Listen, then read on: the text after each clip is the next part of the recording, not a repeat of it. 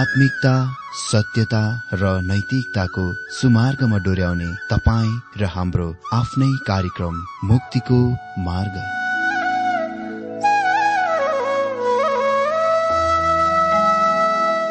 आदरणीय श्रोता यस मुक्तिको मार्ग कार्यक्रममा हार्दिक स्वागत छ आशा छ यस आत्मिक कार्यक्रमद्वारा जीवनमा आत्मिक आशिष अलौकिक शान्ति र आनन्द प्राप्त गर्नुहुनेछ।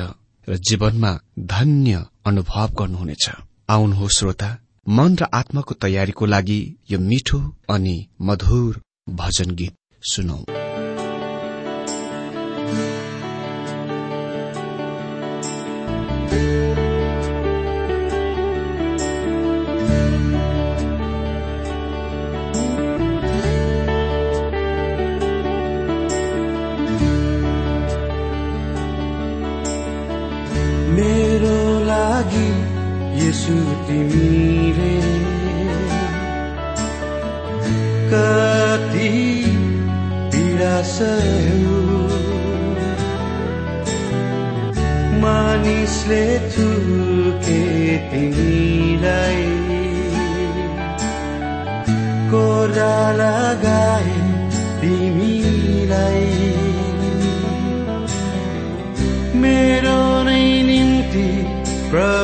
तिमीले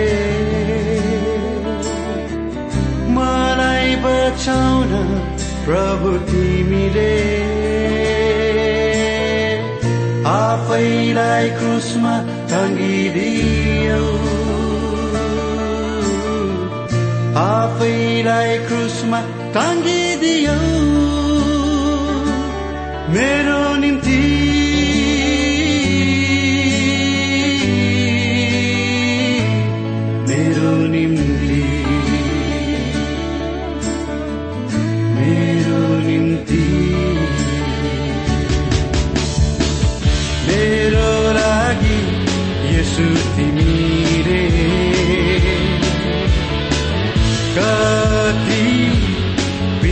पीडा सहौ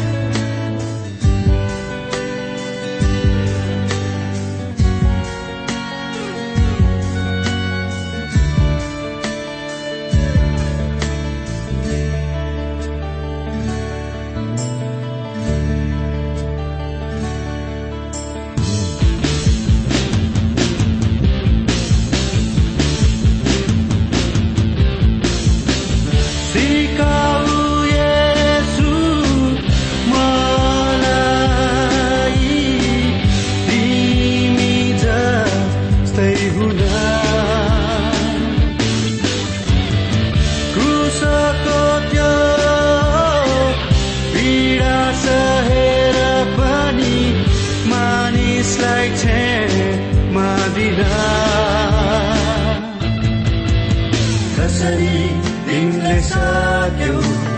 मेरो लागि सबै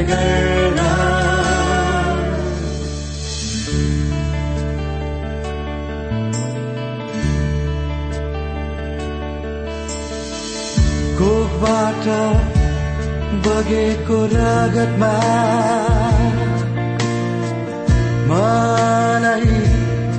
तिमीले धोयौ। भक्कानो फुटेर आउँछ मनमा। मन पग्लेर भरिन्छ गहमा। जब डुब्छु तिम्रो मायामा। प्रभु येशु तिम्रो मायामा।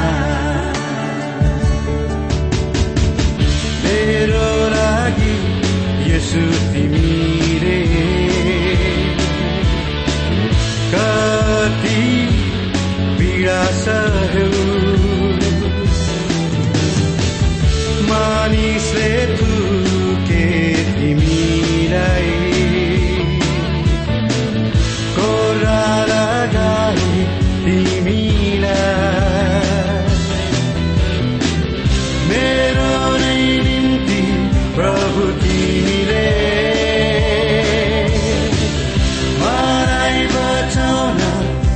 प्रभु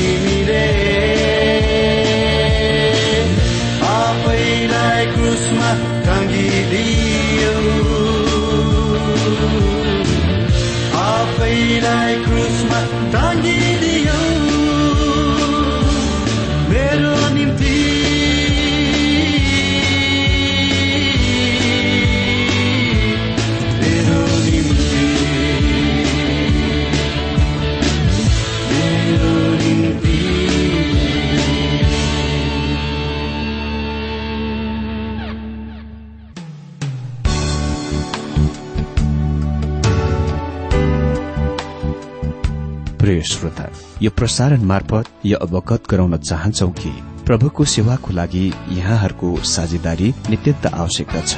यहाँहरूले प्रार्थनाको साथसाथै आर्थिक सहायता गर्न अनुरोध गर्दछौ। तपाईँहरूको सानोभन्दा सानो भेटी किन नहोस्? हामी प्रभुको नाममा स्वीकार गर्नेछौ प्रभुको सेवाको लागि। तपाईँहरूको यो सानो लगानीले कसैको जीवनमा भिन्नता ल्याउँछ अनि प्रभुको महिमा हुन्छ। प्रभु तपाईँहरूलाई महान गरी आशिष दिनुहुनेछ। इच्छुक श्रोताहरूले तपाईँको इच्छा भेटी हाम्रो ठेगानामा पठाउन सक्नुहुन्छ जुन ठेगाना हामी कार्यक्रमको अन्तमा दिनेछौ। हाम्रो उद्धारकर्ता मुक्तिदाता येशु प्रभुको महान अनि सामर्थ्य नाममा जय मसी अनि नमस्ते। श्रोता आज हामी बाइबल अध्ययन जकरिया चौध अध्यायबाट आरम्भ गर्न गइरहेका छौं। यो चौध अध्यायले जकरियाको पुस्तकको अन्तिम खण्डको दोस्रो खण्ड भागको अन्त गर्दछ। अन्तिम खण्ड भाग नौदेखि चौध अध्यायले भविष्यवाणी वक्तव्यको मुख्य सारसँग व्यवहार गर्दछ। त्यहाँ पहिलो वक्तव्यको मुख्य सार छ जुन अध्याय नौदेखि एघार अध्याय अनुसार पहिलो वक्तव्यको मुख्य सार थियो जुन ख्रिष्टको पहिलो आगमनसँग जोडिएको भविष्यवाणी पक्षहरूसँग व्यवहार गर्दथ्यो। दोस्रो र अन्तिम खण्ड भागमा जुनमा बाह्रदेखि चौध अध्याय पर्दछ हामीसँग दोस्रो वक्तव्यको मुख्य सार छ। जुनमा हामीसँग ख्रिस्टको दोस्रो आगमनसँग जोडिएको भविष्यवाणी पक्षहरू छन्। यो अन्तिम अध्यायले हरेक कुराहरूको एकट्ठामा जम्मा गर्दछ र त्यहाँ हुन सक्ने कुनै पनि खुकुलो तारलाई कसेर बाँध्दछ। मैले यस चौध अध्यायलाई पृथ्वीमा ख्रिस्टको आगमनसँग सम्बन्धित विशेषताहरू र तथ्यहरूको नाम दिएको छु। अहिले चाखलाग्दो कुरा यो छ कि हामीले जकरियाको पुस्तकमा हामीलाई दिएको अति नै निश्चित कार्यक्रमको छ। अनि यो त्यसका ती तीनै प्रमुख विभाजनहरूमा बिल्कुल सत्य छन्। हामीले दश दर्शनहरू देखेथ्यौं त्यसपछि ऐतिहासिक अन्तराल विराम अनि अहिले भविष्यवाणी वक्तव्यको मुख्य सारको यो अन्तिम मुख्य विभाजन खण्ड। हामी सधैँ शुरू गर्दछौ जहाँ इसरायल त्यस विशेष समयमा थिए। अनि तिनीहरू कुनै न कुनै प्रकारका राष्ट्रिय कठिनाई र समस्यामा थिए। अनि त्यसपछि हामी इसरायलको राष्ट्रिय सत्य र जीवित परमेश्वर कहाँ हृदय परिवर्तनको साथ विश्वास र उहाँको ग्रहणको देख्छौ। जब त्यो राष्ट्र परमेश्वर कहाँ फर्कनेछ र त्यहाँ परमेश्वरको आत्माको खनी हुनेछ। यो सबैले मानिसको फर्काई वा आगमनको लागि दृश्यको तयार गर्दछ। किनभने त्यस समयमा तिनीहरू महाक्लेश अवधिमा प्रवेश गरेका छन्। यो अन्तिम अध्याय अति नै महान परिस्थितीय अध्याय हो।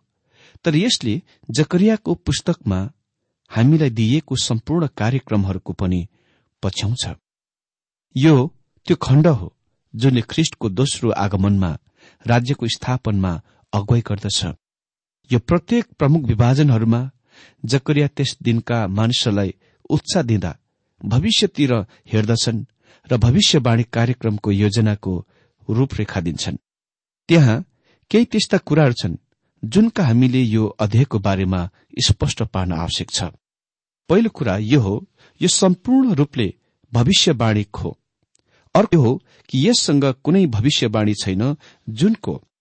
तपाईँ र म रहेको यो वर्तमान युगमा पूरा भएको छ। अर्को शब्दमा यसले युगको अन्तको बताइरहेको छ जुनले राज्यको आरम्भ गर्छ। तपाईँले पत्ता लगाउनुहुनेछ। धेरै टिप्पणीकारहरू विशेष गरेर अति नै ठूला आलोचकहरूले सिकाउँछन् कि यसले वास्तवमा भविष्यवाणीको बताउँदैनन्। त्यो कुनै अक्षरस कुरा वा साँचीको कुरो होइन र यसलाई वर्तमान युगमा फिट गर्न सकिन्छ। मलाई विश्वास गर्नुहोस् यसले मलाई केही अनौठो अर्थ खोलाइहरूतिर डोर्याउँछ। लोए दे वेटे जो लिबरल जोडाहरू थिए वा जो स्वतन्त्रवादी विचारधारा बोक्ने जोडाहरू थिए दुवैले भने कि यस अध्यायले सम्पूर्ण ऐतिहासिक स्पष्टीकरणको अशुद्ध पार्दछ फोहोर गर्दछ बिगारिदिन्छ हामीले निश्चय नै त्यस कुराको लागि आमेन भन्न सक्छौ किनभने त्यस्तो कुनै कुरा भूतकालमा कहिले पनि घटेको छैन। वा भएको छैन। त्यसकारण यो अध्याय सम्पूर्ण रूपमा भविष्यवाणीको यसको मतलब आज हामी भएको रहेको समयदेखि बाट पनि भविष्यवाणीको र यसले भविष्यतिर हेर्दछ। यो अध्ययको खाली अर्थ खुलाइ वा व्याख्या जुनले सन्तुष्ट गर्दछ त्यो अक्षरस अर्थ खुलाइ हो। शाब्दिक अर्थ खुलाइ वा व्याख्या हो। त्यो मात्र एक कुरा हो जुनले अर्थ दिन्छ। अनि कुनै अरू अर्थ खुलाइ सन्दर्भ वा प्रसंगसँग मेल संगति हुनै पर्छ। कहीँ पनि शास्त्रको अर्थ दिँदा वा भविष्यवाणीको अर्थ दिँदा वा व्याख्या गर्दा तपाईँले पहिलेको र पछिका प्रसंगको अपेक्षा व्यवस्था गर्न सक्नुहुन्न। अनि तपाईँले यस कुरालाई आफ्नो मनमा लिएर र परमेश्वरको सम्पूर्ण वचनको महसुस गरेर वा सम्पूर्ण परमेश्वरको वचनको आधारमा अर्थ खुलाउनु पर्छ। तपाईँ निश्चय नै खाली यस पुस्तकमा मात्र आएर र कुनै अविवेचित अर्थ खोलाइ व्यर्थको अर्थ खोलाइ र व्याख्यासँग आउन सक्नुहुन्न जुनको वास्तवमा कुनै आधार छैन। म विश्वास गर्दछु कि यो शास्त्रको अति नै धेरै महत्वपूर्ण अनुच्छेद हो। किनभने यसले शास्त्रको अक्षरस वा शाब्दिक अर्थ खोलाएको र यसलाई आत्मिकीकरण बनाउने वा रहस्यवाद बनाउने तर व्यावहारिकतामा कुनै पनि अर्थ नदिने कुराको बीच भिन्नताको स्पष्टसँग देखाउँछ। त्यस्तो अर्थ खुलाइले वा व्याख्याले यो अनुच्छेदलाई खालि कुनै त्यस्तो कुरा बनाउँछ जुन लाक्षणिक वा रूपक सम्बन्धीका कुरा हो वा कुनै त्यस्ता कुरा जुन काल्पनिक हो। वा त्यो कुनै त्यस्तो कुरा जुनको पातुल्लो हावामा उडाउन सकिन्छ। त्यो चाहिँ यसको व्याख्या गर्ने कोसिस नभएर त्यसको व्यर्थ बनाउने कोसिस हो। म तपाईँलाई एउटा राय दिन चाहन्छु जुनले वास्तवमा कसै व्यक्तिको विश्वासको तय गर्दछ। यदि तपाईँ कुनै प्रचारक पास्टरको स्थितिको वा दृष्टिकोणको बारेमा जान्न चाहनुहुन्छ जसको बारेमा तपाईँ कति पनि निश्चित हुनुहुन्न यदि तपाईँ जान्न चाहनुहुन्छ कि उनी के विश्वास गर्छन् भने यो जक्करिया चौध अध्यायलाई उसका लैजानुहोस् र त्यसको तपाईँको निम्ति वर्णन गर्न भन्नुहोस् बिन्ती गर्नुहोस्। तपाईँले पत्ता लगाउनुहुनेछ कि कुनै पनि मानिसले के विश्वास गर्दछन् जब उसले यस अध्ययसँग व्यवहार गर्दछन् वा तपाईँलाई वर्णन गरिदिन्छन् त्यो थाहा हुन्छ। के निश्चित खास लिबरल स्वतन्त्रवादी टिप्पणीकार टीकाकार धर्म विद्वानहरू वास्तवमा भूतकालका महान धर्मविद विशेष गरेर हन्स्टमबर्गले जकरिया चौध अध्यायलाई सम्पूर्ण मसिया सम्बन्धको युग वा मसियाको युगको रूपमा संकेत गर्दछन्। उसको वास्तविक मतलब के हो भने यसले आज चर्च अवधि युगको संकेत गर्दछ। तपाईँ अविवेचित बेअर्थको बेसमझदारको प्रकारको अर्थ खुलाई वा व्याख्याद्वारा त्यसलाई त्यसमा फिट गर्न सक्नुहुन्न। त्यही नै कारण उनी पूर्ण विवरणमा जाँदैनन्। लेन्डफोल्ड अर्को प्रमुख धर्मविदले भन्छन् त्यसकारण हाम्रा पदहरूले कुनै एक परिस्थितिको पनि संकेत गर्दैन। तिनीहरूले घेराबन्दी क्याप्चर पक्राउ र बन्दुवा वा कैदको वर्णन गर्दैनन् जुन वास्तवमा कहिले पनि त्यस्ता कुनै कुरा भएको थिएन। वा त्यस्तो कुनै कुरा कहिले पनि भएको थिएन। आकृतिको सहायताले बनावटको सहायताले तिनीहरूले परिस्थितिको वर्णन गर्छन् जुन निरन्तर रूपले लगातार रूपले नयाँ नियम समयहरूभरि चलनमा छ। परमेश्वरका जनहरू निरन्तर लगातार तिनीहरूका शत्रुहरूका हातहरूमा अति नै कटु शत्रुहरू वैरताको भोग्नेछन् र विरोधी बनाइए शत्रु बनाइनेछन्। परिणाम स्वरूपमा तिनीहरूलाई निजतामा तल्लो स्तरमा ल्याइनेछ। तर त्यहाँ सधैँ केही संख्यामा बाँकी बचेका ईश्वरीय भक्तजनहरू पनि हुनेछन्। त्यो त्यति धेरै साना छैनन्। के तपाईँ मलाई भन्नुहुन्छ कि उसको त्यो भनाइको तात्पर्य के हो? तात्पर्य यो हो कि उसलाई कति पनि र केही पनि थाहा छैन कि यो अध्ययसँग के गर्ने। त्यसकारण उसले के गर्दछन् भने यसको आत्मिकीकरण गर्दछन्। उसले तातो रोटीमा घिउ जस्तै त्यसलाई फैलाउँछन् र क्षणभरमै त्यो घिउ रोटीमा पक्लिहाल्छ। म तपाईँलाई भनौँ यी पदहरू खालि अलंकारिक वा लक्षणिक होइनन्। तिनीहरूले पुरानो नियम समयहरूसँग लागू हुँदैनन् र यहाँ बताइएका बाँकी बचेका ईश्वरीय भक्त जनहरू वा रेमेन्टहरू यस पुस्तकमा हामीलाई बिल्कुल स्पष्ट बनाइएको छ। तिनीहरू बाँकी रहेका बचेहरू यहुदीहरू हुन्। हामीले यो कुरा थाहा पाउन आवश्यक छ कि यो जकरिया चौध अध्याय पूर्ण रूपमा अन्तिम दिनमा भविष्यमा स्थान लिने कुराहरूसँग सम्बन्ध राख्ने अध्याय हो। मित्र यो नै पृष्ठभूमिको मनमा लिएर अर्को दिनदेखि हामी यो जकरिया चौध अध्यायलाई अध्ययन गर्नेछौ। मनको तयारीमा प्रार्थनाको साथ आउनुहोला। परमेश्वरले निश्चय नै यो चौध अध्यायबाट पनि अद्भुत उहाँको रहस्यको कुराहरू हामीलाई सिकाउनुहुनेछ। परमेश्वरले तपाई सबैलाई धेरै धेरै आशिष दिनुभएको होस्।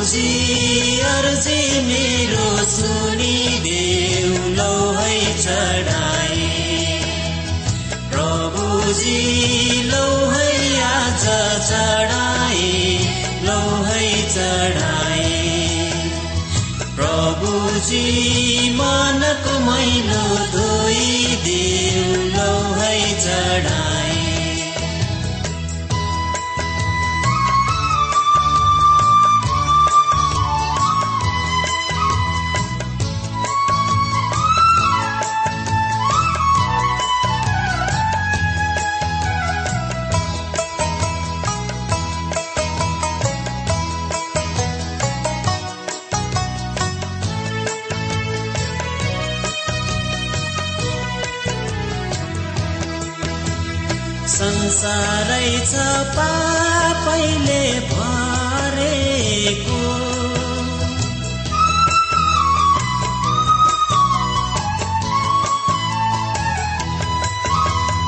संसारै छ पापैले भरेको। धनको लोमा सबै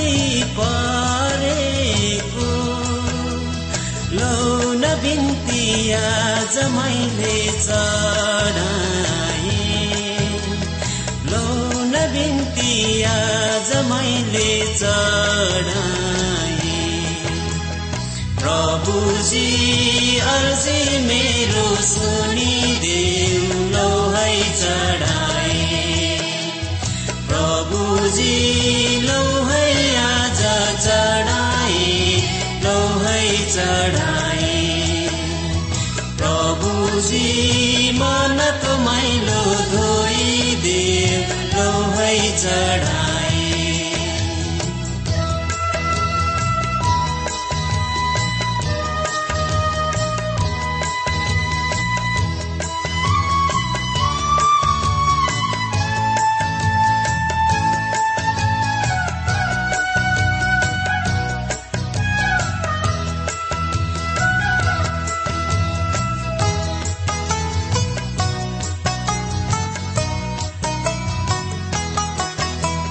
संसार रूपी समुद्र चौडा छ।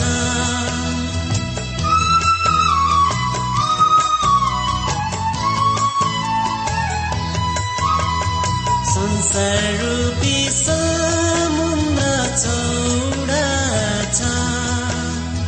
जीवन रूपी ना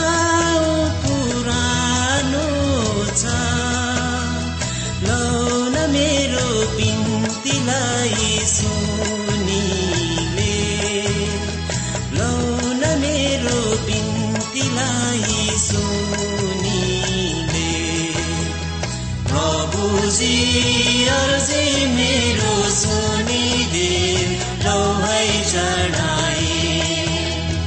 प्रभुजी लौहैया चढाए लौहै चढाए। प्रभुजी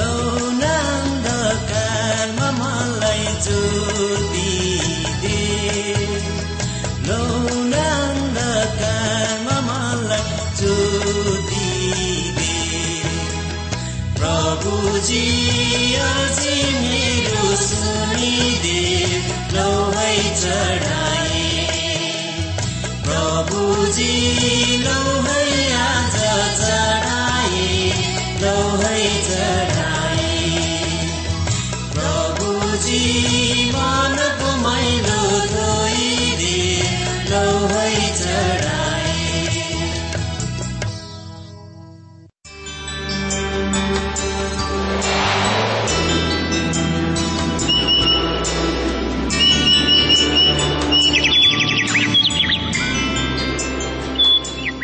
श्रोता अहिले भर्खरै तपाईँले टीडब्ल्यूआर नेपालद्वारा सञ्चालित आत्मिक कार्यक्रम मुक्तिको मार्ग सुनिरहनु भएको थियो। श्रोता आजको यो कार्यक्रम सुनेर तपाईँलाई कस्तो लाग्यो? यदि यो कार्यक्रम सुनेर मनमा कुनै खुल्दुली वा कुनै प्रतिक्रिया अर्थात सुझावहरू छन् भने हामीलाई पत्रद्वारा लेख्न सक्नुहुनेछ। हामी हृदयदेखि नै स्वागत गर्नेछौ स्वीकार गर्नेछौ साथै बाइबल सम्बन्धित प्रचारहरू कार्यक्रम सारणीहरू हामी अनुरोधमा पठाउन सक्छौ। अनि तपाईँसँग कुनै प्रार्थनाको विषय छन् भने हामीले तपाईँको लागि प्रार्थना गरेको चाहनुहुन्छ भने प्रभुमा आफ्नै परिवार सम्झेर हामीलाई पत्रमा लेख्न सक्नुहुनेछ। तपाईँको लागि हामी प्रभु येशुसँग प्रार्थना गर्नेछौ। अधिक जानकारी र पत्रचारको लागि हाम्रो ठेगाना यस प्रकार छ। कार्यक्रम मुक्तिको मार्ग जीपीओ नम्बर उनानब्बे पचहत्तर इपिसी पच्चिस एकसठी काठमाडौँ। ठेगाना एकपल्ट सुन्नुहोला। कार्यक्रम मुक्तिको मार्ग जीपीओ नम्बर उनानब्बे पचहत्तर इपिसी पच्चिस एकसठी काठमाडौँ। हाम्रो इमेल एड्रेस हो TWR Nepal at Yahoo dot com साथै यस नम्बरमा एसएमएस गर्न सक्नुहुनेछ। अन्ठानब्बे चार सत्तरी पैतिस छ सय उनासी नौ आठ चार सात जिरो तीन पाँच छ सात नौ। हुन्छ श्रोता आजलाई हामी विदा चाहन्छौ। अर्को कार्यक्रममा हामी पुनः भेट्नेछौ तबसम्मलाई नमस्कार।